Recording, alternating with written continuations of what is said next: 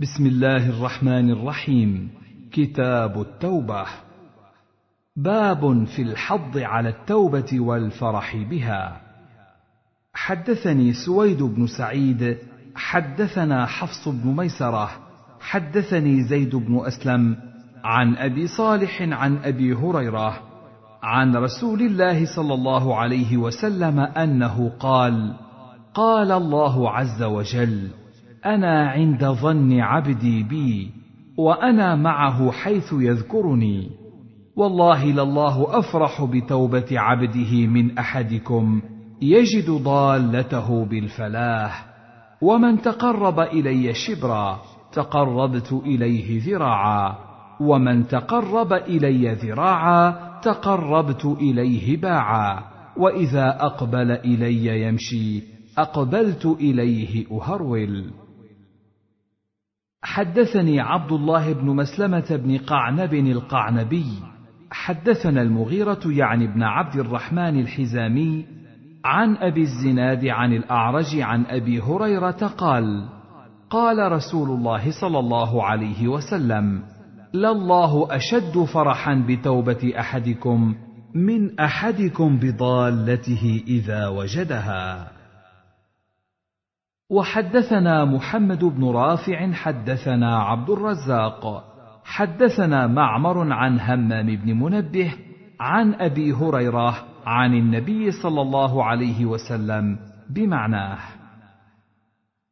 حدثنا عثمان بن أبي شيبة وإسحاق بن إبراهيم واللفظ لعثمان.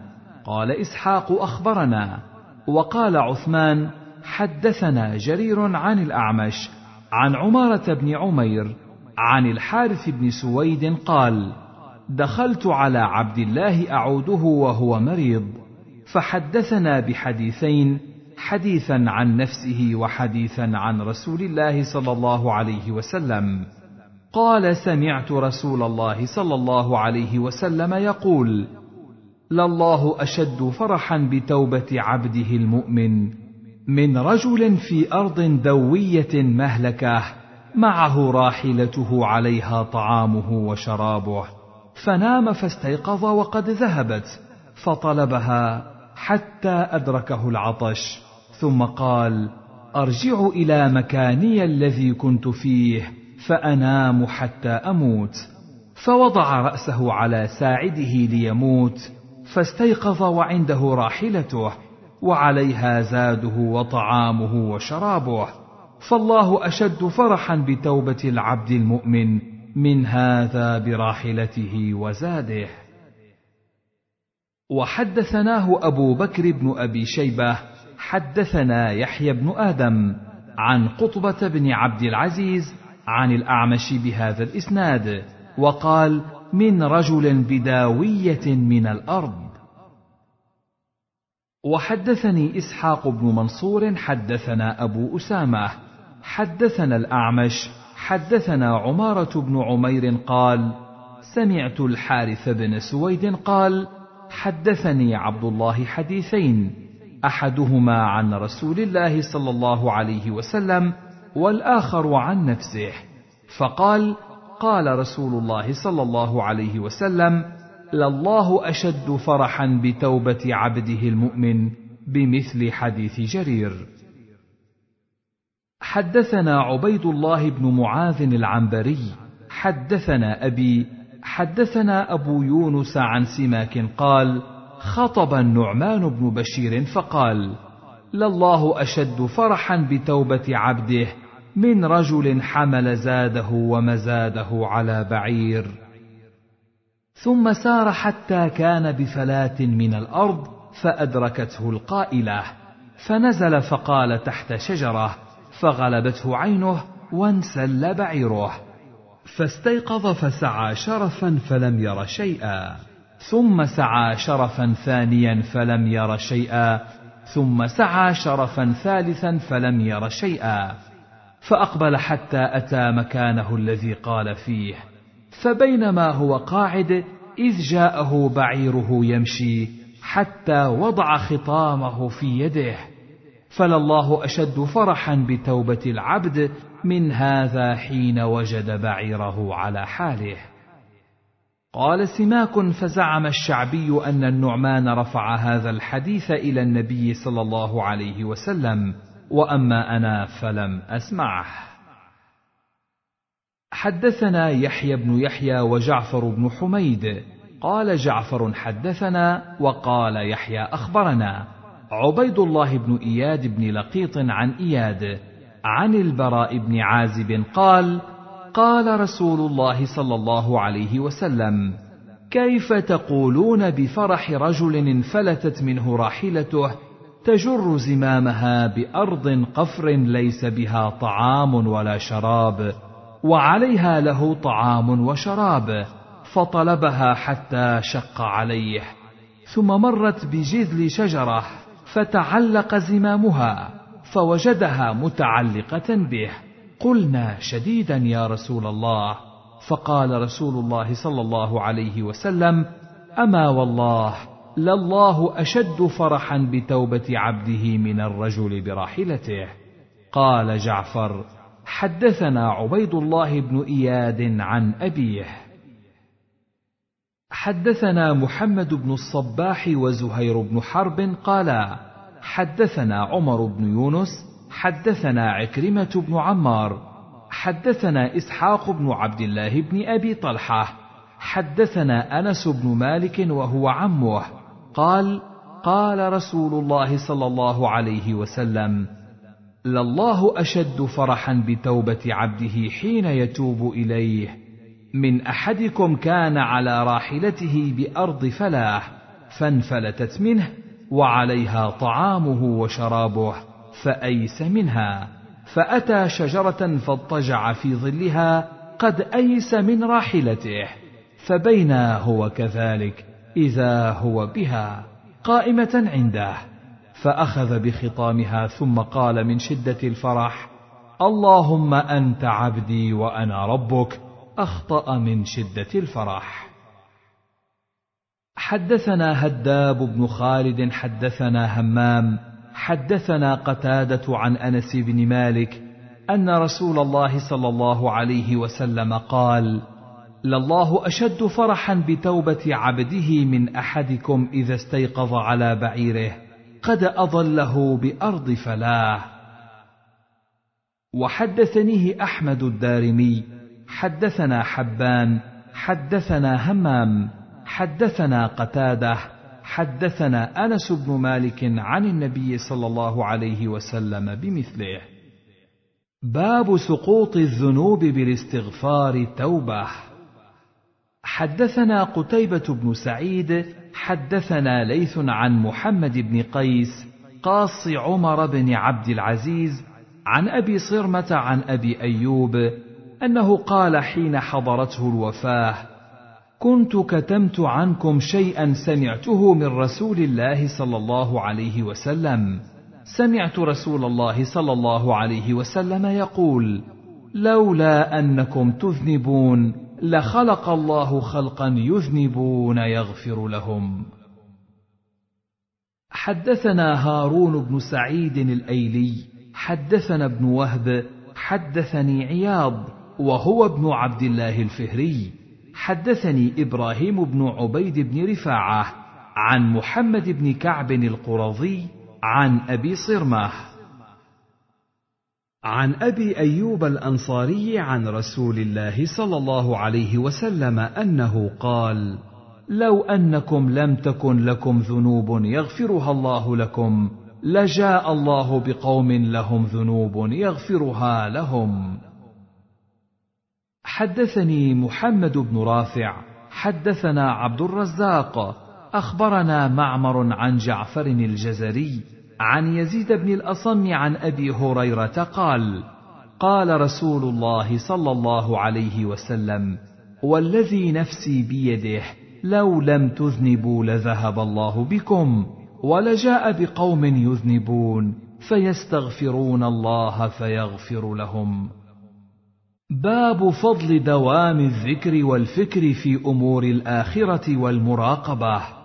وجواز ترك ذلك في بعض الأوقات والاشتغال بالدنيا. حدثنا يحيى بن يحيى التيمي وقطن بن نسير واللفظ ليحيى. أخبرنا جعفر بن سليمان عن سعيد بن إياس الجريري عن أبي عثمان النهدي عن حنظلة الأسيدي قال وكان من كتاب رسول الله صلى الله عليه وسلم قال لقيني أبو بكر فقال كيف أنت يا حنظلة؟ قال قلت نافق حنظلة. قال سبحان الله ما تقول. قال قلت نكون عند رسول الله صلى الله عليه وسلم يذكرنا بالنار والجنة حتى كانا رأي عين. فإذا خرجنا من عند رسول الله صلى الله عليه وسلم عافسنا الأزواج والأولاد والضيعات فنسينا كثيرا. قال أبو بكر فوالله إنا لنلقى مثل هذا. فانطلقت أنا وأبو بكر حتى دخلنا على رسول الله صلى الله عليه وسلم. قلت نافق حنظلة يا رسول الله. فقال رسول الله صلى الله عليه وسلم وما ذاك؟ قلت يا رسول الله نكون عندك تذكرنا بالنار والجنة. حتى كانا رأي عين.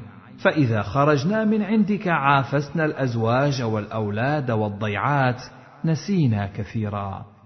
فقال رسول الله صلى الله عليه وسلم والذي نفسي بيده إن لو تدومون على ما تكونون عندي وفي الذكر لصافحتكم الملائكة على فرشكم وفي طرقكم ولكن يا حنظلة ساعة وساعة ثلاث مرات.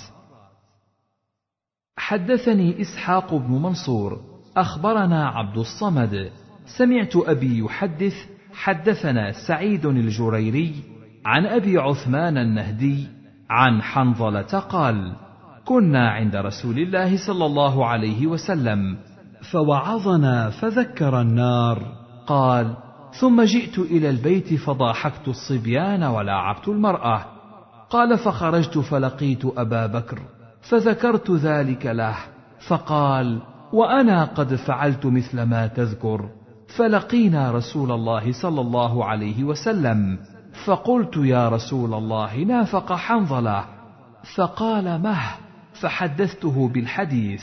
فقال أبو بكر وأنا قد فعلت مثل ما فعل. فقال يا حنظلة ساعة وساعة ولو كانت تكون قلوبكم كما تكون عند الذكر لصافحتكم الملائكة حتى تسلم عليكم في الطرق. حدثني زهير بن حرب حدثنا الفضل بن دكين حدثنا سفيان عن سعيد الجريري عن أبي عثمان النهدي عن حنظلة التميمي الأسيدي الكاتب قال كنا عند النبي صلى الله عليه وسلم فذكرنا الجنة والنار فذكر نحو حديثهما. باب في سعه رحمة الله تعالى وأنها سبقت غضبه. حدثنا قتيبة بن سعيد حدثنا المغيرة يعني الحزامي عن أبي الزناد عن الأعرج عن أبي هريرة أن النبي صلى الله عليه وسلم قال لما خلق الله الخلق كتب في كتابه فهو عنده فوق العرش إن رحمتي تغلب غضبي. حدثني زهير بن حرب حدثنا سفيان بن عيينة عن أبي الزناد عن الأعرج عن أبي هريرة عن النبي صلى الله عليه وسلم قال الله عز وجل سبقت رحمتي غضبي. حدثنا علي بن خشرم أخبرنا أبو ضمرة عن الحارث بن عبد الرحمن عن عطاء بن ميناء عن أبي هريرة قال قال رسول الله صلى الله عليه وسلم لما قضى الله الخلق كتب في كتابه على نفسه. فهو موضوع عنده. إن رحمتي تغلب غضبي. حدثنا حرملة بن يحيى التجيبي. أخبرنا ابن وهب. أخبرني يونس عن ابن شهاب. أن سعيد بن المسيب أخبره أن أبا هريرة قال سمعت رسول الله صلى الله عليه وسلم يقول جعل الله الرحمة مائه جزء. فأمسك عنده تسعة وتسعين وأنزل في الأرض جزءا واحدا. فمن ذلك الجزء تتراحم الخلائق حتى ترفع الدابة حافرها عن ولدها خشية أن تصيبه.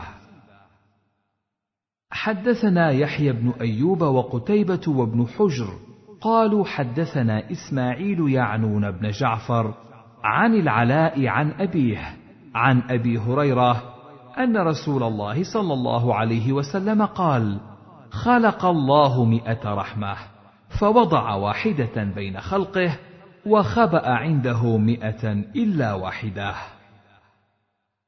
حدثنا محمد بن عبد الله بن نمير حدثنا أبي حدثنا عبد الملك عن عطاء عن أبي هريرة عن النبي صلى الله عليه وسلم قال إن لله مئة رحمة أنزل منها رحمة واحدة بين الجن والإنس والبهائم والهوام فبها يتعاطفون وبها يتراحمون وبها تعطف الوحش على ولدها. وأخر الله تسعا وتسعين رحمة يرحم بها عباده يوم القيامة. حدثني الحكم بن موسى حدثنا معاذ بن معاذ حدثنا سليمان التيمي حدثنا أبو عثمان النهدي عن سلمان الفارسي قال قال رسول الله صلى الله عليه وسلم إن لله مئة رحمة فمنها رحمة بها يتراحم الخلق بينهم وتسعة وتسعون ليوم القيامة. وحدثناه محمد بن عبد الأعلى حدثنا المعتمر عن أبيه بهذا الإسناد. حدثنا ابن نمير حدثنا أبو معاوية عن داود بن أبي هند عن أبي عثمان عن سلمان قال قال رسول الله صلى الله عليه وسلم إن الله خلق يوم خلق السماوات والأرض مئة رحمة كل رحمة طباق ما بين السماء والأرض. فجعل منها في الأرض رحمة فبها تعطف الوالدة على ولدها والوحش والطير بعضها على بعض فإذا كان يوم القيامة أكملها بهذه الرحمة.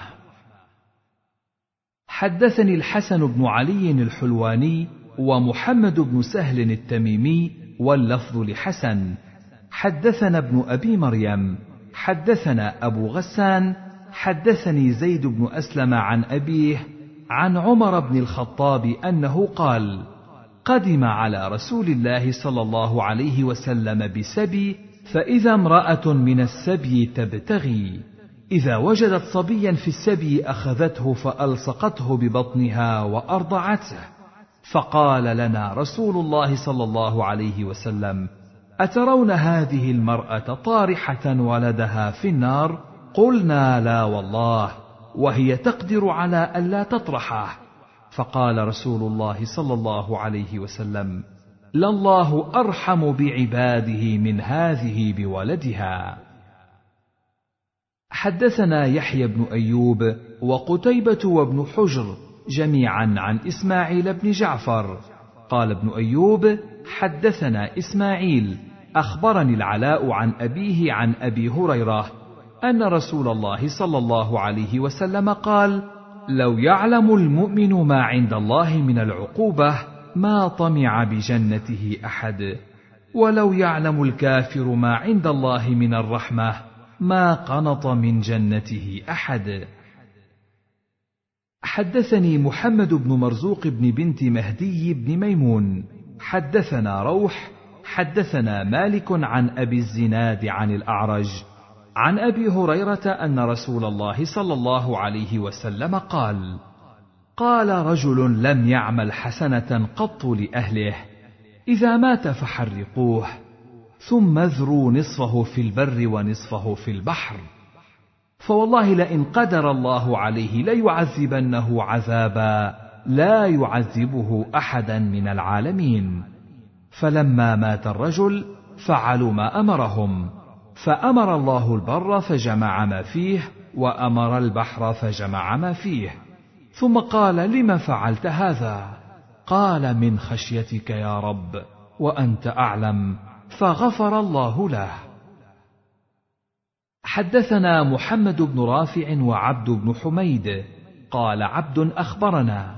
وقال ابن رافع واللفظ له. حدثنا عبد الرزاق. أخبرنا معمر قال قال لي الزهري ألا أحدثك بحديثين عجيبين؟ قال الزهري أخبرني حميد بن عبد الرحمن عن أبي هريرة عن النبي صلى الله عليه وسلم قال أسرف رجل على نفسه فلما حضره الموت اوصى بنيه فقال إذا أنا مت فأحرقوني ثم اسحقوني ثم اذروني في الريح في البحر. فوالله لئن قدر علي ربي ليعذبني عذابا ما عذبه به أحدا. قال ففعلوا ذلك به. فقال للأرض أدي ما أخذت فإذا هو قائم. فقال له ما حملك على ما صنعت؟ فقال خشيتك يا رب أو قال مخافتك؟ فغفر له بذلك. قال الزهري وحدثني حميد عن أبي هريرة عن رسول الله صلى الله عليه وسلم قال دخلت امرأة النار في هرة ربطتها فلا هي أطعمتها ولا هي أرسلتها تأكل من خشاش الأرض حتى ماتت هزلا. قال الزهري ذلك لئلا يتكل رجل ولا ييأس رجل. حدثني أبو الربيع سليمان بن داود حدثنا محمد بن حرب حدثني الزبيدي قال الزهري حدثني حميد بن عبد الرحمن بن عوف عن أبي هريرة قال سمعت رسول الله صلى الله عليه وسلم يقول أسرف عبد على نفسه بنحو حديث معمر إلى قوله فغفر الله له. ولم يذكر حديث المرأة في قصة الهرة. وفي حديث الزبيدي قال فقال الله عز وجل لكل شيء أخذ منه شيئا اد ما أخذت منه. حدثني عبيد الله بن معاذ العنبري حدثنا أبي حدثنا شعبة عن قتادة سمع عقبة بن عبد الغافر يقول سمعت أبا سعيد الخدري يحدث عن النبي صلى الله عليه وسلم أن رجلا في من كان قبلكم راشه الله مالا وولدا فقال لولده لتفعلن ما آمركم به أو لأولين ميراثي غيركم. إذا أنا مت فأحرقوني وأكثر علمي أنه قال ثم اسحقوني واذروني في الريح. فإني لم أبتهر عند الله خيرا وإن الله يقدر علي أن يعذبني. قال فأخذ منهم ميثاقا ففعلوا ذلك به وربي. فقال الله ما حملك على ما فعلت؟ فقال مخافتك. قال فما تلافاه غيرها. وحدثناه يحيى بن حبيب الحارثي حدثنا معتمر بن سليمان قال قال لي أبي حدثنا قتادة حا. وحدثنا أبو بكر بن أبي شيبة حدثنا الحسن بن موسى حدثنا شيبان بن عبد الرحمن حا. وحدثنا ابن المثنى حدثنا أبو الوليد حدثنا أبو عوانة كلاهما عن قتادة ذكروا جميعا بإسناد شعبة نحو حديثه. وفي حديث شيبان وأبي عوانة أن رجلا من الناس رغسه الله مالا وولدا. وفي حديث التيمي فإنه لم يبتئر عند الله خيرا. قال فسرها قتادة لم يدخر عند الله خيرا. وفي حديث شيبان فإنه والله ما ابتأر عند الله خيرا. وفي حديث أبي عوانة ما امتأر بالميم. باب قبول التوبة من الذنوب وإن تكررت الذنوب والتوبة. حدثني عبد الأعلى بن حماد حدثنا حماد بن سلمة عن إسحاق بن عبد الله بن أبي طلحة عن عبد الرحمن بن أبي عمرة عن أبي هريرة عن النبي صلى الله عليه وسلم فيما يحكي عن ربه عز وجل. قال أذنب عبد ذنبا. فقال اللهم اغفر لي ذنبي. فقال تبارك وتعالى أذنب عبدي ذنبا فعلم أن له ربا يغفر الذنب ويأخذ بالذنب. ثم عاد فأذنب. فقال أي رب اغفر لي ذنبي؟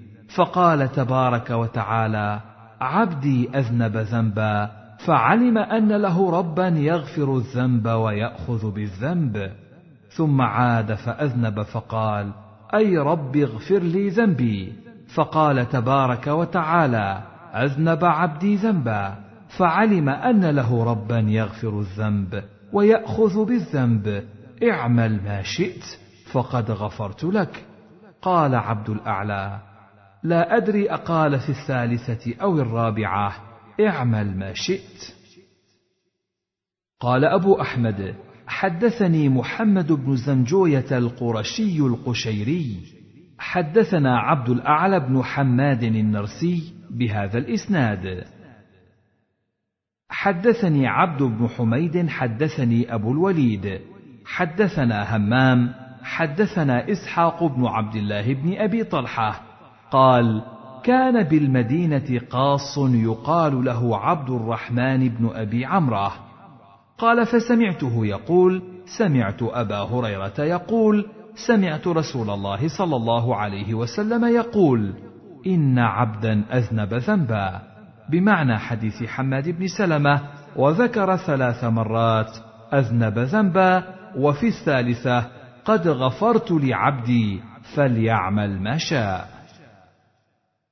حدثنا محمد بن المثنى حدثنا محمد بن جعفر حدثنا شعبة عن عمرو بن مره قال سمعت أبا عبيدة يحدث عن أبي موسى عن النبي صلى الله عليه وسلم قال إن الله عز وجل يبسط يده بالليل ليتوب مسيء النهار ويبسط يده بالنهار ليتوب مسيء الليل حتى تطلع الشمس من مغربها.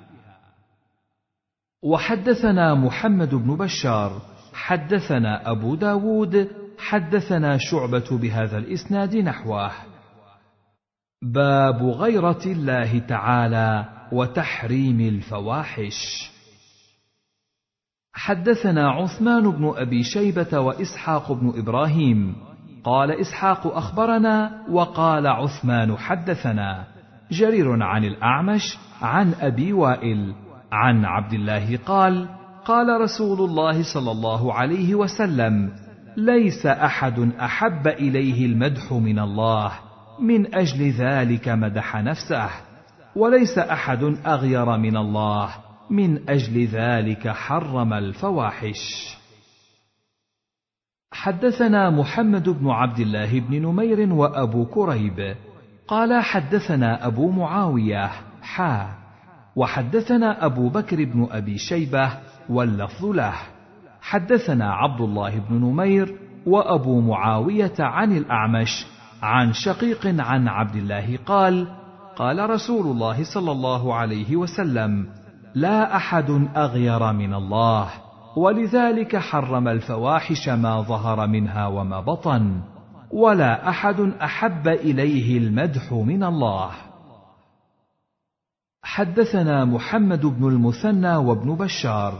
قال حدثنا محمد بن جعفر. حدثنا شعبة عن عمرو بن مرة. قال سمعت أبا وائل يقول سمعت عبد الله بن مسعود يقول قلت له أنت سمعته من عبد الله؟ قال نعم ورفعه. أنه قال لا أحد أغير من الله ولذلك حرم الفواحش. ما ظهر منها وما بطن ولا أحد أحب إليه المدح من الله ولذلك مدح نفسه. حدثنا عثمان بن أبي شيبة وزهير بن حرب وإسحاق بن إبراهيم. قال إسحاق أخبرنا وقال الآخران حدثنا. جرير عن الأعمش عن مالك بن الحارث عن عبد الرحمن بن يزيد عن عبد الله بن مسعود قال قال رسول الله صلى الله عليه وسلم ليس أحد أحب إليه المدح من الله عز وجل من أجل ذلك مدح نفسه وليس أحد أغير من الله من أجل ذلك حرم الفواحش وليس أحد أحب إليه العذر من الله من أجل ذلك أنزل الكتاب وأرسل الرسل. حدثنا عمرو الناقد حدثنا إسماعيل بن إبراهيم بن علية عن حجاج بن أبي عثمان قال قال يحيى وحدثني أبو سلمة عن أبي هريرة قال قال رسول الله صلى الله عليه وسلم إن الله يغار وإن المؤمن يغار وغيرة الله أن يأتي المؤمن ما حرم عليه. قال يحيى وحدثني أبو سلمة أن عروة بن الزبير حدثه أن أسماء بنت أبي بكر حدثته أنها سمعت رسول الله صلى الله عليه وسلم يقول ليس شيء أغير من الله عز وجل. حدثنا محمد بن المثنى حدثنا أبو داود حدثنا أبان بن يزيد وحرب بن شداد عن يحيى بن أبي كثير عن أبي سلمة عن أبي هريرة عن النبي صلى الله عليه وسلم بمثل رواية حجاج حديث أبي هريرة خاصة ولم يذكر حديث أسماء. وحدثنا محمد بن أبي بكر المقدمي حدثنا بشر بن المفضل عن هشام عن يحيى بن أبي كثير عن أبي سلمة عن عروة عن أسماء عن النبي صلى الله عليه وسلم أنه قال لا شيء أغير من الله عز وجل حدثنا قتيبة بن سعيد حدثنا عبد العزيز يعني ابن محمد عن العلاء عن أبيه عن أبي هريرة أن رسول الله صلى الله عليه وسلم قال: المؤمن يغار والله أشد غيرا. وحدثنا محمد بن المثنى. حدثنا محمد بن جعفر.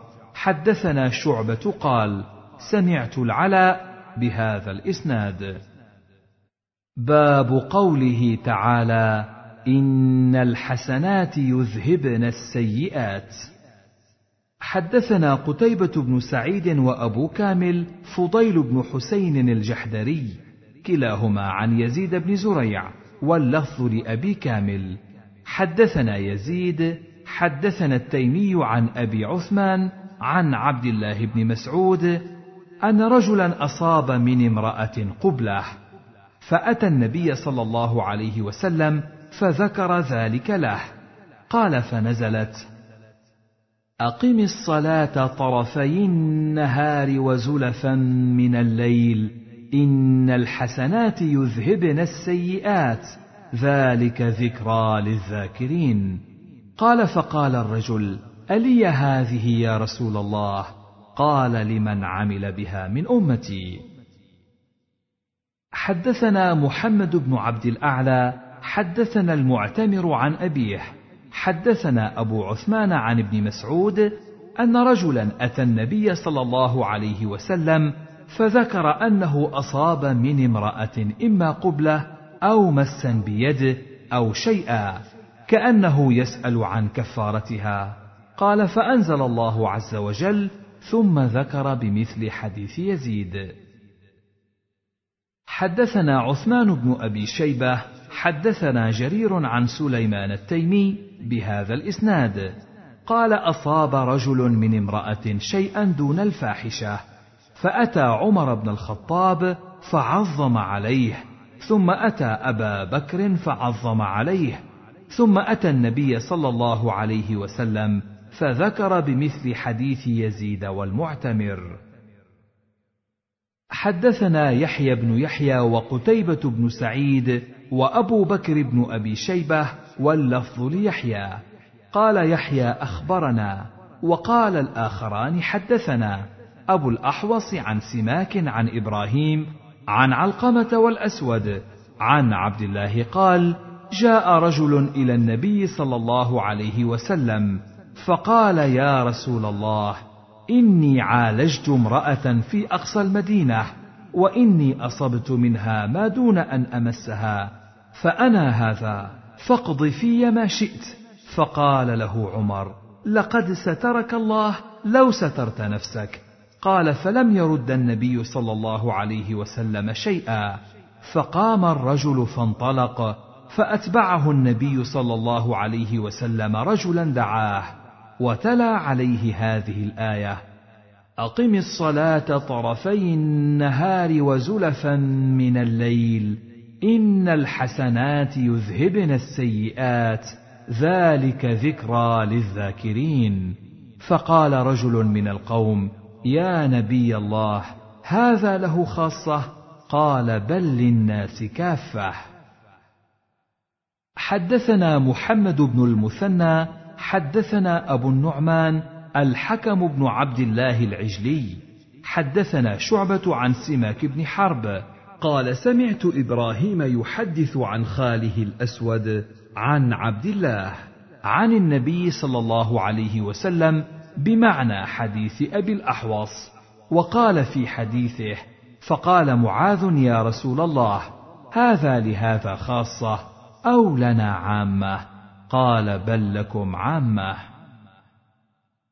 حدثنا الحسن بن علي الحلواني حدثنا عمرو بن عاصم حدثنا همام عن إسحاق بن عبد الله بن أبي طلحة عن أنس قال جاء رجل إلى النبي صلى الله عليه وسلم فقال يا رسول الله أصبت حدا فأقمه علي. قال وحضرت الصلاة. فصلى مع رسول الله صلى الله عليه وسلم. فلما قضى الصلاة قال يا رسول الله إني أصبت حدا فأقم في كتاب الله. قال هل حضرت الصلاة معنا؟ قال نعم. قال قد غفر لك. حدثنا نصر بن علي الجهضمي وزهير بن حرب واللفظ لزهير.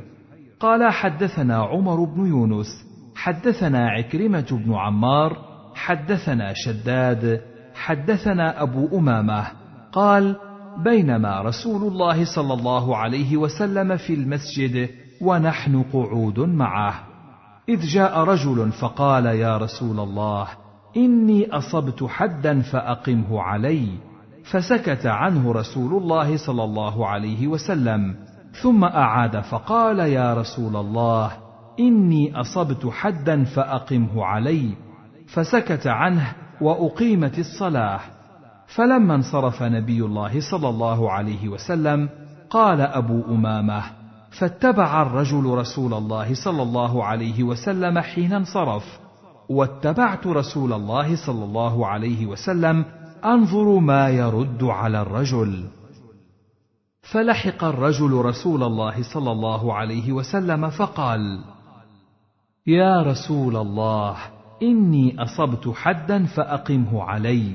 قال أبو أمامة فقال له رسول الله صلى الله عليه وسلم أرأيت حين خرجت من بيتك؟ أليس قد توضأت فأحسنت الوضوء؟ قال بلى يا رسول الله. قال ثم شهدت الصلاة معنا. فقال نعم يا رسول الله. قال فقال له رسول الله صلى الله عليه وسلم فإن الله قد غفر لك حدك أو قال ذنبك. باب قبول توبة القاتل وإن كثر قتله. حدثنا محمد بن المثنى ومحمد بن بشار. واللفظ لابن المثنى. قال حدثنا معاذ بن هشام حدثني أبي عن قتادة عن أبي الصديق عن أبي سعيد الخدري أن نبي الله صلى الله عليه وسلم قال كان في من كان قبلكم رجل قتل تسعة وتسعين نفسا فسأل عن أعلم أهل الأرض فدل على راهب فأتاه فقال إنه قتل تسعة وتسعين نفسا فهل له من توبة؟ فقال لا فقتله فكمل به مئة. ثم سأل عن أعلم أهل الأرض فدل على رجل عالم فقال إنه قتل مئة نفس فهل له من توبة؟ فقال نعم. ومن يحول بينه وبين التوبة؟ انطلق إلى أرض كذا وكذا. فإن بها أناسا يعبدون الله فاعبد الله معهم ولا ترجع إلى أرضك فإنها أرض سوء. فانطلق حتى إذا نصف الطريق أتاه الموت فاختصمت فيه ملائكة الرحمة وملائكة العذاب. فقالت ملائكة الرحمة جاء تائبا مقبلا بقلبه إلى الله.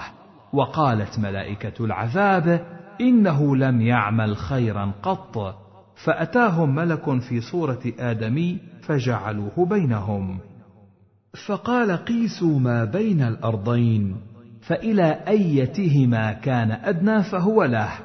فقاسوه فوجدوه أدنى إلى الأرض التي أراد فقبضته ملائكة الرحمة. قال قتادة فقال الحسن ذكر لنا أنه لما أتاه الموت نأى بصدره. حدثني عبيد الله بن معاذ العنبري.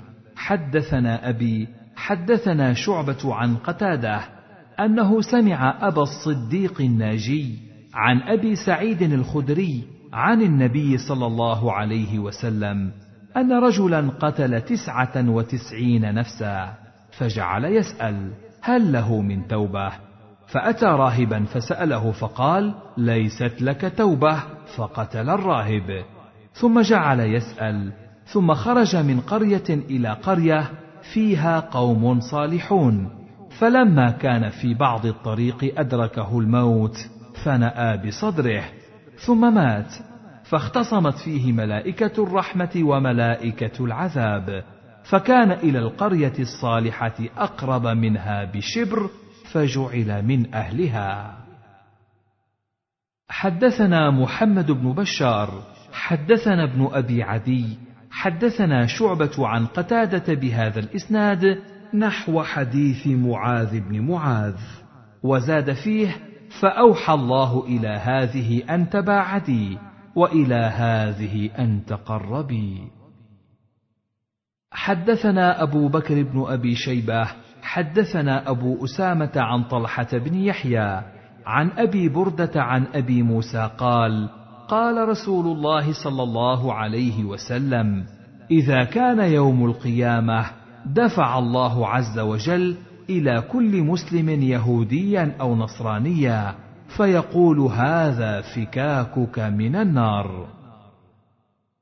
حدثنا أبو بكر بن أبي شيبة حدثنا عفان بن مسلم. حدثنا همام حدثنا قتادة أن عونا وسعيد بن أبي بردة حدثاه أنهما شهدا أبا بردة يحدث عمر بن عبد العزيز عن أبيه. عن النبي صلى الله عليه وسلم قال لا يموت رجل مسلم إلا أدخل الله مكانه النار يهوديا أو نصرانيا. قال فاستحلفه عمر بن عبد العزيز بالله الذي لا إله إلا هو ثلاث مرات أن أباه حدثه عن رسول الله صلى الله عليه وسلم. قال فحلف له. قال فلم يحدثني سعيد أنه استحلفه ولم ينكر على عون قوله.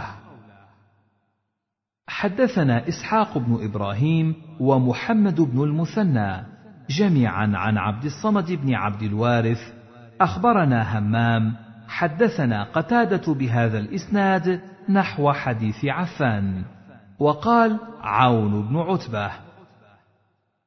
حدثنا محمد بن عمرو بن عباد بن جبلة بن أبي رواد. حدثنا حرمي بن عمارة. حدثنا شداد أبو طلحة الراسبي عن غيلان بن جرير. عن أبي بردة عن أبيه عن النبي صلى الله عليه وسلم قال يجيء يوم القيامة ناس من المسلمين بذنوب أمثال الجبال فيغفرها الله لهم ويضعها على اليهود والنصارى فيما أحسب أنا. قال أبو روح لا أدري ممن الشك. قال أبو بردة فحدثت به عمر بن عبد العزيز فقال أبوك حدثك هذا عن النبي صلى الله عليه وسلم؟ قلت نعم. حدثنا زهير بن حرب حدثنا إسماعيل بن إبراهيم عن هشام الدستوائي عن قتادة عن صفوان بن محرز قال قال رجل لابن عمر كيف سمعت رسول الله صلى الله عليه وسلم يقول في النجوى؟ قال سمعته يقول يدنى المؤمن يوم القيامة من ربه عز وجل حتى يضع عليه كنفه فيقرره بذنوبه فيقول هل تعرف؟ فيقول أي رب أعرف. قال فإني قد سترتها عليك في الدنيا وإني أغفرها لك اليوم فيعطى صحيفة حسناته. وأما الكفار والمنافقون فينادى بهم على رؤوس الخلائق هؤلاء الذين كذبوا على الله. باب حديث توبة كعب بن مالك وصاحبيه. حدثني أبو الطاهر أحمد بن عمرو بن عبد الله بن عمرو بن سرح مولى بني أمية. أخبرني ابن وهب أخبرني يونس عن ابن شهاب قال ثم غزا رسول الله صلى الله عليه وسلم غزوة تبوك وهو يريد الروم ونصارى العرب بالشام. قال ابن شهاب فأخبرني عبد الرحمن بن عبد الله بن كعب بن مالك أن عبد الله بن كعب كان قائد كعب من بنيه حين عمي. قال سمعت كعب بن مالك يحدث حديثه حين تخلف عن رسول الله صلى الله عليه وسلم في غزوة تبوك. قال كعب بن مالك لم أتخلف عن رسول الله صلى الله عليه وسلم في غزوة غزاها قط إلا في غزوة تبوك غير أني قد تخلفت في غزوة بدر ولم يعاتب أحدا تخلف عنه. إنما خرج رسول الله صلى الله عليه وسلم والمسلمون يريدون عير قريش حتى جمع الله بينهم وبين عدوهم على غير ميعاد. ولقد شهدت مع رسول الله صلى الله عليه وسلم ليلة العقبة حين تواثقنا على الإسلام. وما أحب أن لي بها مشهد بدر وإن كانت بدر أذكر في الناس منها. وكان من خبري حين تخلفت عن رسول الله صلى الله عليه وسلم في غزوة تبوك أني لم أكن قط أقوى ولا أيسر مني حين تخلفت عنه في تلك الغزوة. والله ما جمعت قبلها راحلتين قط حتى جمعتهما في تلك الغزوة. فغزاها رسول الله صلى الله عليه وسلم في حر شديد واستقبل سفرا بعيدا ومفازا واستقبل عدوا كثيرا. فجلى للمسلمين أمرهم ليتأهبوا أهبة غزوهم فأخبرهم بوجههم الذي يريد. والمسلمون مع رسول الله صلى الله عليه وسلم كثير ولا يجمعهم كتاب حافظ يريد بذلك الديوان. قال كعب فقل رجل يريد أن يتغيب يظن أن ذلك سيخفى له ما لم ينزل فيه وحي من الله عز وجل. وغزا رسول الله صلى الله عليه وسلم تلك الغزوة حين طابت الثمار والظلال فأنا إليها أصعر فتجهز رسول الله صلى الله عليه وسلم والمسلمون معه. وطفقت أغدو لكي أتجهز معهم فأرجع ولم أقض شيئا وأقول في نفسي أنا قادر على ذلك إذا أردت فلم يزل ذلك يتمادى بي حتى استمر بالناس الجد فأصبح رسول الله صلى الله عليه وسلم غاديا والمسلمون معه ولم أقض من جهازي شيئا. ثم غدوت فرجعت ولم أقض شيئا فلم يزل ذلك يتمادى بي حتى اسرعوا وتفارط الغزو. فهممت أن أرتحل فأدركهم فيا ليتني فعلت ثم لم يقدر ذلك لي فطفقت إذا خرجت في الناس بعد خروج رسول الله صلى الله عليه وسلم يحزنني أني لا أرى لي أسوة. إلا رجلا مغموصا عليه في النفاق أو رجلا ممن عذر الله من الضعفاء. ولم يذكرني رسول الله صلى الله عليه وسلم حتى بلغ تبوكا فقال وهو جالس في القوم بتبوك ما فعل كعب بن مالك؟ قال رجل من بني سلمة يا رسول الله حبسه برداه والنظر في عطفيه. فقال له معاذ بن جبل بئس ما قلت والله يا رسول الله ما علمنا عليه إلا خيرا. فسكت رسول الله صلى الله عليه وسلم فبينما هو على ذلك رأى رجلا مبيضا يزول به السراب. فقال رسول الله صلى الله عليه وسلم كن أبا خيثمة.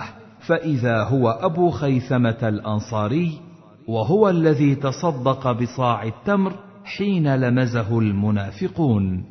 فقال كعب بن مالك فلما بلغني أن رسول الله صلى الله عليه وسلم قد توجه قافلا من تبوك حضرني بثي.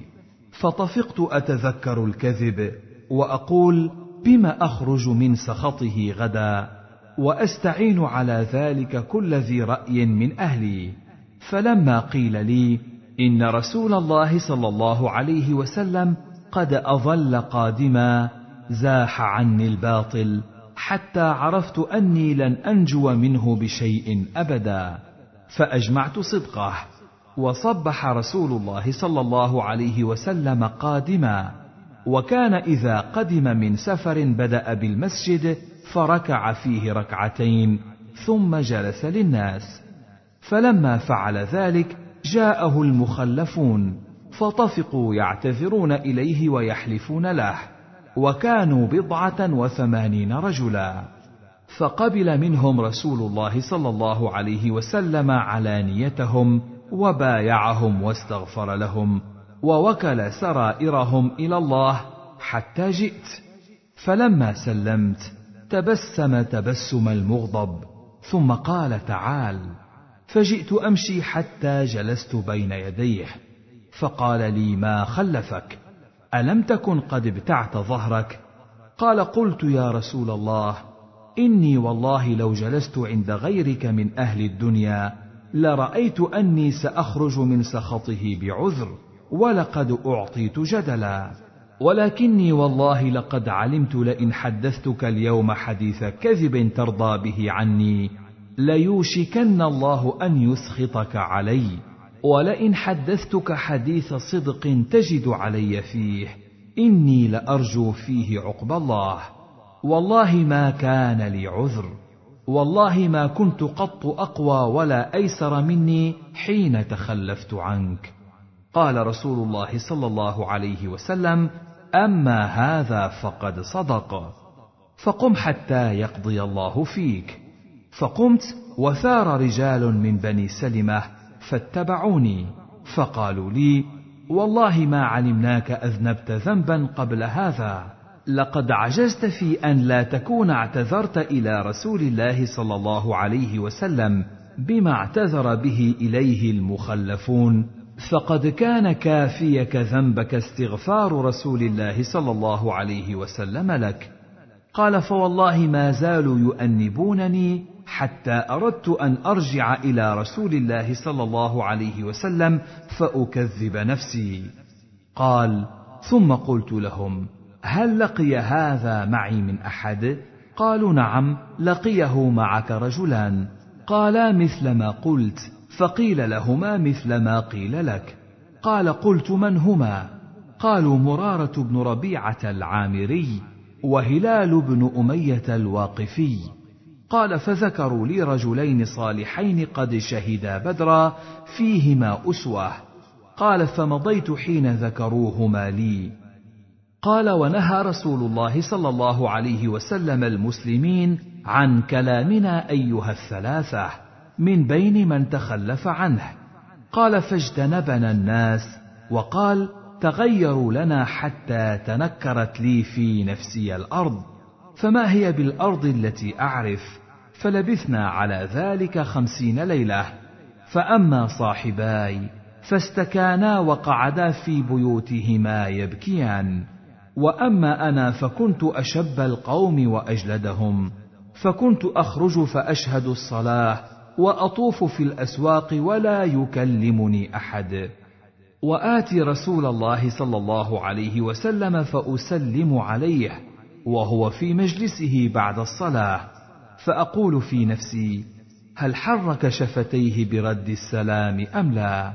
ثم أصلي قريبا منه وأسارقه النظر فإذا أقبلت على صلاتي نظر إلي وإذا التفت نحوه أعرض عني حتى إذا طال ذلك علي من جفوة المسلمين مشيت حتى تسورت جدار حائط أبي قتادة وهو ابن عمي وأحب الناس إلي فسلمت عليه فوالله ما رد علي السلام. فقلت له يا أبا قتادة أنشدك بالله هل تعلمن أني أحب الله ورسوله؟ قال فسكت. فعدت فناشدته فسكت. فعدت فناشدته. فقال الله ورسوله أعلم. ففاضت عيناي وتوليت حتى تسورت الجدار. فبين أنا أمشي في سوق المدينة إذا نبطي من نبط أهل الشام ممن قدم بالطعام يبيعه بالمدينة. يقول من يدل على كعب بن مالك؟ قال فطفق الناس يشيرون له إلي حتى جاءني فدفع إلي كتابا من ملك غسان وكنت كاتبا. فقرأته فإذا فيه. أما بعد فإنه قد بلغنا أن صاحبك قد جفاك ولم يجعلك الله بدار هوان ولا مضيعة. فالحق بنا نواسك. قال فقلت حين قرأتها وهذه أيضا من البلاء فتياممت بها التنور فسجرتها بها حتى إذا مضت أربعون من الخمسين واستلبث الوحي إذا رسول رسول الله صلى الله عليه وسلم يأتيني فقال إن رسول الله صلى الله عليه وسلم يأمرك أن تعتزل امرأتك. قال فقلت أطلقها أم ماذا أفعل؟ قال لا بل اعتزلها فلا تقربنها. قال فأرسل إلى صاحبي بمثل ذلك. قال فقلت لامرأتي الحقي بأهلك فكوني عندهم حتى يقضي الله في هذا الأمر. قال فجاءت امرأة هلال بن أمية رسول الله صلى الله عليه وسلم فقالت له يا رسول الله إن هلال بن أمية شيخ ضائع ليس له خادم فهل تكره أن أخدمه؟ قال لا ولكن لا يقربنك. فقالت إنه والله ما به حركة إلى شيء ووالله ما زال يبكي منذ كان من أمره ما كان إلى يومه هذا. قال فقال لي بعض أهلي لو استأذنت رسول الله صلى الله عليه وسلم في امرأتك فقد أذن لامراه هلال بن أمية أن تخدمه. قال فقلت لا أستأذن فيها رسول الله صلى الله عليه وسلم. وما يدريني ماذا يقول رسول الله صلى الله عليه وسلم اذا استاذنته فيها وأنا رجل شاب. قال فلبثت بذلك عشر ليال. فكمل لنا خمسون ليله من حين نهي عن كلامنا. قال ثم صليت صلاه الفجر صباح خمسين ليله على ظهر بيت من بيوتنا. فبينا أنا جالس على الحال التي ذكر الله عز وجل منا قد ضاقت علي نفسي وضاقت علي الأرض بما رحبت. سمعت صوت صارخ أوفى على سلع يقول بأعلى صوته يا كعب بن مالك أبشر. قال فخررت ساجدا وعرفت أن قد جاء فرج. قال فآذن رسول الله صلى الله عليه وسلم الناس بتوبة الله علينا حين صلى صلاة الفجر. فذهب الناس يبشروننا. فذهب قبل صاحبي مبشرون.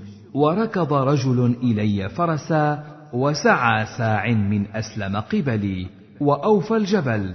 فكان الصوت أسرع من الفرس. فلما جاءني الذي سمعت صوته يبشرني فنزعت له ثوبي فكسوتهما إياه ببشارته. والله ما أملك غيرهما يومئذ. واستعرت ثوبين فلبستهما فانطلقت أتأمم رسول الله صلى الله عليه وسلم. يتلقاني الناس فوجا فوجا يهنئونني بالتوبة ويقولون لتهنئك توبة الله عليك. حتى دخلت المسجد. فإذا رسول الله صلى الله عليه وسلم جالس في المسجد وحوله الناس فقام طلحة بن عبيد الله يهرول حتى صافحني وهنأني. والله ما قام رجل من المهاجرين غيره. قال فكان كعب لا ينساها لطلحة. قال كعب فلما سلمت على رسول الله صلى الله عليه وسلم قال وهو يبرق وجهه من السرور ويقول أبشر بخير يوم مر عليك منذ ولدتك أمك. قال فقلت أمن عندك يا رسول الله؟ أم من عند الله؟ فقال لا بل من عند الله. وكان رسول الله صلى الله عليه وسلم إذا سر استنار وجهه كأن وجهه قطعة قمر. قال وكنا نعرف ذلك. قال فلما جلست بين يديه قلت يا رسول الله إن من توبتي أن أنخلع من مالي صدقة إلى الله وإلى رسوله صلى الله عليه وسلم. فقال رسول الله صلى الله عليه وسلم أمسك بعض مالك فهو خير لك. قال فقلت فإني أمسك سهمي الذي بخيبر. قال وقلت يا رسول الله ان الله انما انجاني بالصدق وان من توبتي الا احدث الا صدقا ما بقيت. قال فوالله ما علمت ان احدا من المسلمين ابلاه الله في صدق الحديث منذ ذكرت ذلك لرسول الله صلى الله عليه وسلم إلى يومي هذا احسن مما ابلاني الله به. والله ما تعمدت كذبة منذ قلت ذلك لرسول الله صلى الله عليه وسلم إلى يومي هذا. وإني لأرجو أن يحفظني الله فيما بقي. قال فأنزل الله عز وجل لقد تاب الله على النبي والمهاجرين والأنصار الذين اتبعوه في ساعة العسرة من بعد ما كاد يزيغ قلوب فريق منهم ثم تاب عليهم. إنه بهم رءوف رحيم. وعلى الثلاثة الذين خلفوا حتى إذا ضاقت عليهم الأرض بما رحبت وضاقت عليهم أنفسهم حتى بلغ. يا أيها الذين آمنوا اتقوا الله وكونوا مع الصادقين. قال كعب والله ما أنعم الله علي من نعمة قط بعد إذ هداني الله للإسلام أعظم في نفسي من صدقي رسول الله صلى الله عليه وسلم أن لا أكون كذبته فأهلك كما هلك الذين كذبوا. إن الله قال للذين كذبوا حين أنزل الوحي شر ما قال لأحد وقال الله سيحلفون بالله لكم إذا انقلبتم إليهم لتعرضوا عنهم. فأعرضوا عنهم. إنهم رجس ومأواهم جهنم جزاء بما كانوا يكسبون. يحلفون بالله لكم لترضوا عنهم. فإن ترضوا عنهم فإن الله لا يرضى عن القوم الفاسقين.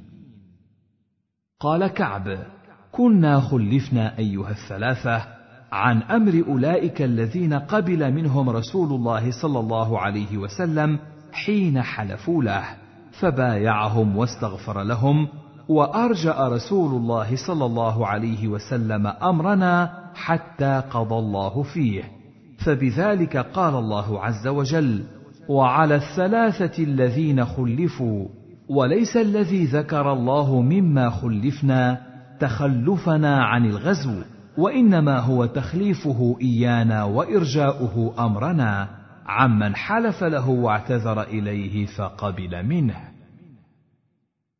وحدثنيه محمد بن رافع حدثنا حجين بن المثنى حدثنا الليث عن عقيل عن ابن شهاب بإسناد يونس عن الزهري سواء. وحدثني عبد بن حميد حدثني يعقوب بن إبراهيم بن سعد. حدثنا محمد بن عبد الله بن مسلم ابن أخي الزهري. عن عمه محمد بن مسلم الزهري. أخبرني عبد الرحمن بن عبد الله بن كعب بن مالك أن عبيد الله بن كعب بن مالك وكان قائد كعب حين عمي. قال سمعت كعب بن مالك يحدث حديثه حين تخلف عن رسول الله صلى الله عليه وسلم في غزوة تبوك. وساق الحديث وزاد فيه على يونس فكان رسول الله صلى الله عليه وسلم قل ما يريد غزوة إلا ورى بغيرها حتى كانت تلك الغزوة. ولم يذكر في حديث ابن أخي الزهري أبا خيثمة ولحوقه بالنبي صلى الله عليه وسلم. وحدثني سلمة بن شبيب حدثنا الحسن بن أعين حدثنا معقل وهو ابن عبيد الله. عن الزهري أخبرني عبد الرحمن بن عبد الله بن كعب بن مالك عن عمه عبيد الله بن كعب وكان قائد كعب حين أصيب بصره وكان أعلم قومه وأوعاهم لأحاديث أصحاب رسول الله صلى الله عليه وسلم. قال سمعت أبي كعب بن مالك وهو أحد الثلاثة الذين تيب عليهم يحدث أنه لم يتخلف عن رسول الله صلى الله عليه وسلم في غزوة غزاها قط غير غزوتين.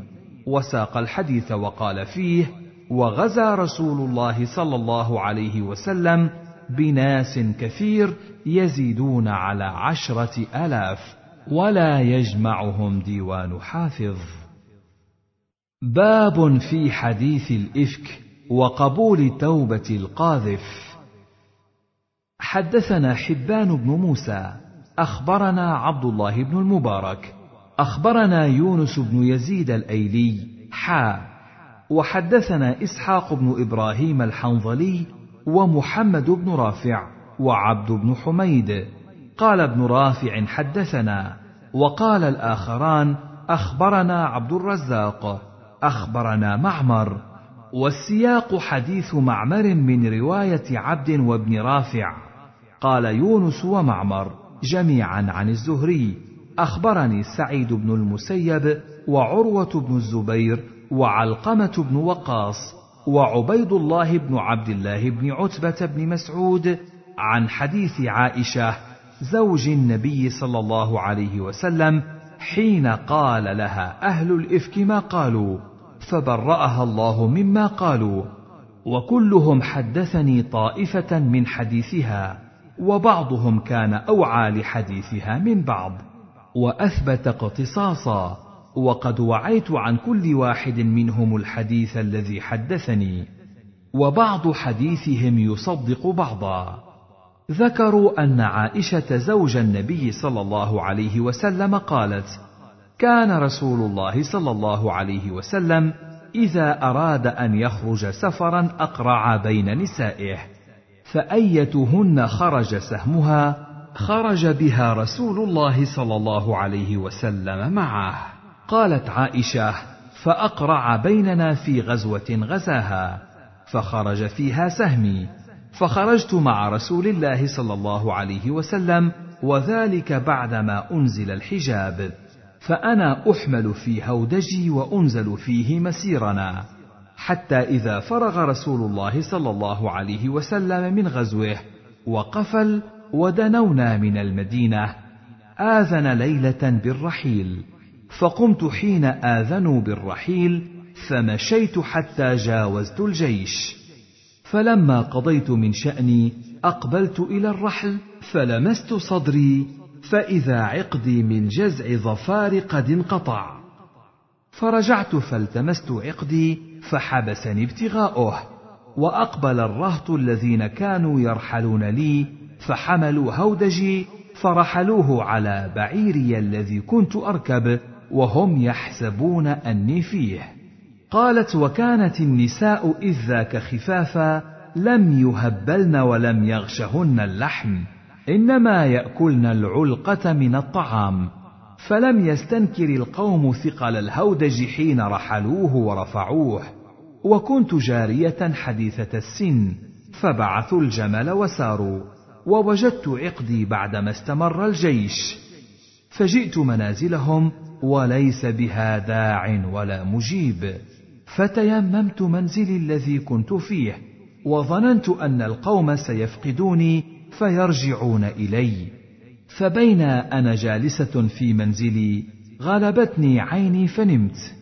وكان صفوان بن المعطل السلمي ثم الذكواني قد عرس من وراء الجيش فالدلج فأصبح عند منزلي. فرأى سواد إنسان نائم فأتاني فعرفني حين رآني وقد كان يراني قبل أن يضرب الحجاب علي فاستيقظت باسترجاعه حين عرفني فخمرت وجهي بجلبابي. ووالله ما يكلمني كلمة ولا سمعت منه كلمة غير استرجاعه حتى اناخ راحلته فوطئ على يدها فركبتها. فانطلق يقود بالراحلة حتى أتينا الجيش بعدما نزلوا موغرين في نحر الظهيرة فهلك من هلك في شأني. وكان الذي تولى كبره عبد الله بن أبي بن سلول. فقدمنا المدينة فاشتكيت حين قدمنا المدينة شهرا والناس يفيضون في قول أهل الإفك ولا أشعر بشيء من ذلك. وهو يريبني في وجعي أني لا أعرف من رسول الله صلى الله عليه وسلم اللطف الذي كنت أرى منه حين أشتكي. إنما يدخل رسول الله صلى الله عليه وسلم فيسلم ثم يقول كيف تيكم فذاك يريبني. ولا أشعر بالشر حتى خرجت بعدما نقهت وخرجت معي أم مصطح قبل المناصع. وهو متبرزنا ولا نخرج إلا ليلا إلى ليل وذلك قبل أن نتخذ الكنف قريبا من بيوتنا. وأمرنا أمر العرب الأول في التنزه وكنا نتأذى بالكنف أن نتخذها عند بيوتنا. فانطلقت أنا وأم مصطح وهي بنت أبي رهم بن المطلب بن عبد مناف وأمها ابنة صخر بن عامر خالة أبي بكر الصديق وابنها مصطح بن أثاثة ابن عباد بن المطلب. فأقبلت أنا وبنت أبي رهم قبل بيتي حين فرغنا من شأننا. فعثرت أم مصطح في مرطها فقالت تعس مصطح. فقلت لها بئس ما قلت. أتسبين رجلا قد شهد بدرا؟ قالت أيهنتاه. أولم تسمعي ما قال؟ قلت وماذا قال؟ قالت فأخبرتني بقول أهل الإفك فازددت مرضا إلى مرضي. فلما رجعت إلى بيتي فدخل علي رسول الله صلى الله عليه وسلم فسلم ثم قال كيف تيكم قلت أتأذن لي أن آتي أبوي؟ قالت وأنا حينئذ أريد أن أتيقن الخبر من قبلهما. فأذن لي رسول الله صلى الله عليه وسلم فجئت أبوي فقلت لأمي يا أمتاه ما يتحدث الناس؟ فقالت يا بنية هوني عليك فوالله لقلما كانت امرأة قط وضيئة عند رجل يحبها ولها ضرائر إلا كثرن عليها. قالت قلت سبحان الله وقد تحدث الناس بهذا قالت فبكيت تلك الليلة حتى أصبحت لا يرقأ لي دمع ولا أكتحل بنوم. ثم أصبحت أبكي. ودعا رسول الله صلى الله عليه وسلم علي بن أبي طالب وأسامة بن زيد حين استلبث الوحي يستشيرهما في فراق أهله. قالت فأما أسامة بن زيد فأشار على رسول الله صلى الله عليه وسلم بالذي يعلم من براءة أهله وبالذي يعلم في نفسه لهم من الود. فقال يا رسول الله هم أهلك ولا نعلم إلا خيرا. وأما علي بن أبي طالب فقال لم يضيق الله عليك والنساء سواها كثير. وإن تسأل الجارية تصدق. قالت فدعا رسول الله صلى الله عليه وسلم بريرة فقال أي بريرة هل رأيت من شيء يريبك من عائشة؟ قالت له بريرة والذي بعثك بالحق إن رأيت عليها امرا قط أغمصه عليها أكثر من أنها جارية حديثة السن تنام عن عجين أهلها فتأتي الداجن فتأكله. قالت فقام رسول الله صلى الله عليه وسلم على المنبر. فاستعذر من عبد الله بن أبي بن سلول. قالت فقال رسول الله صلى الله عليه وسلم وهو على المنبر يا معشر المسلمين من يعذرني من رجل قد بلغ أذاه في أهل بيتي؟ فوالله ما علمت على أهلي إلا خيرا ولقد ذكروا رجلا ما علمت عليه إلا خيرا وما كان يدخل على أهلي إلا معي. فقام سعد بن معاذ الأنصاري فقال أنا أعذرك منه يا رسول الله إن كان من الأوس ضربنا عنقه وإن كان من إخواننا الخزرج أمرتنا ففعلنا أمرك. قالت فقام سعد بن عبادة وهو سيد الخزرج وكان رجلا صالحا ولكن اجتهلته الحمية. فقال لسعد بن معاذ كذبت لعمر الله لا تقتله. ولا تقدر على قتله. فقام أسيد بن حضير وهو ابن عم سعد بن معاذ فقال لسعد بن عبادة كذبت لعمر الله لنقتلنه فإنك منافق تجادل عن المنافقين. فثار الحيان الأوس والخزرج حتى هموا أن يقتتلوا ورسول الله صلى الله عليه وسلم قائم على المنبر. فلم يزل رسول الله صلى الله عليه وسلم يخفضهم حتى سكتوا وسكت. قالت وبكيت يومي ذلك. لا يرقأ لي دمع ولا أكتحل بنوم. ثم بكيت ليلتي المقبلة. لا يرقأ لي دمع ولا أكتحل بنوم. وأبواي يظنان أن البكاء فالق كبدي. فبينما هما جالسان عندي وأنا أبكي استأذنت علي امرأة من الأنصار فأذنت لها فجلست تبكي. قالت فبينا نحن على ذلك؟ دخل علينا رسول الله صلى الله عليه وسلم فسلم ثم جلس. قالت ولم يجلس عندي منذ قيل لي ما قيل وقد لبث شهرا لا يوحى إليه في شأني بشيء. قالت فتشهد رسول الله صلى الله عليه وسلم حين جلس. ثم قال أما بعد يا عائشة فإنه قد بلغني عنك كذا وكذا فإن كنت بريئة فسيبرئك الله وإن كنت ألممت بذنب فاستغفر الله وتوبي إليه فإن العبد إذا اعترف بذنب ثم تاب تاب الله عليه. قالت فلما قضى رسول الله صلى الله عليه وسلم مقالته قال صدمعي حتى ما أحس منه قطره. فقلت لأبي أجب عني رسول الله صلى الله عليه وسلم فيما قال. فقال والله ما أدري ما أقول لرسول الله صلى الله عليه وسلم. فقلت لأمي أجيبي عني رسول الله صلى الله عليه وسلم. فقالت والله ما أدري ما أقول لرسول الله صلى الله عليه وسلم. فقلت وأنا جارية حديثة السن لا أقرأ كثيرا من القرآن. إني والله لقد عرفت أنكم قد سمعتم بهذا حتى استقر في نفوسكم وصدقتم به. فإن قلت لكم إني بريئة والله يعلم أني بريئة لا تصدقوني بذلك.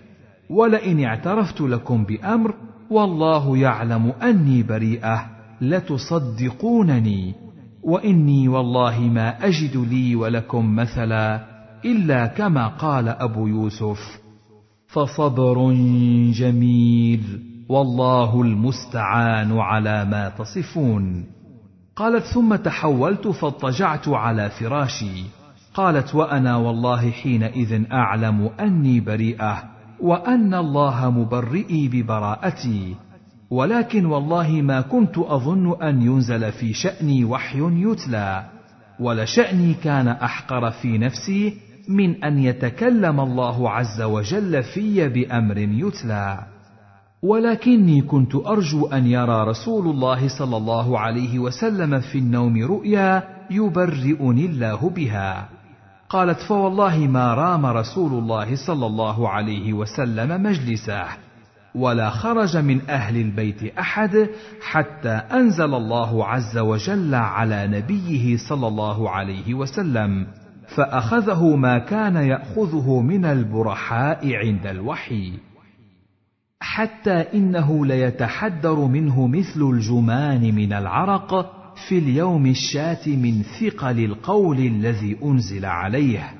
قالت فلما سري عن رسول الله صلى الله عليه وسلم وهو يضحك فكان أول كلمة تكلم بها أن قال أبشري يا عائشة أما الله فقد برأك فقالت لي أمي قومي إليه فقلت والله لا أقوم إليه ولا أحمد إلا الله هو الذي أنزل براءتي. قالت فأنزل الله عز وجل إن الذين جاءوا بالإفك عصبة منكم عشر آيات. فأنزل الله عز وجل هؤلاء الآيات براءتي. قالت فقال أبو بكر وكان ينفق على مصطح لقرابته منه وفقره. والله لا أنفق عليه شيئا ابدا.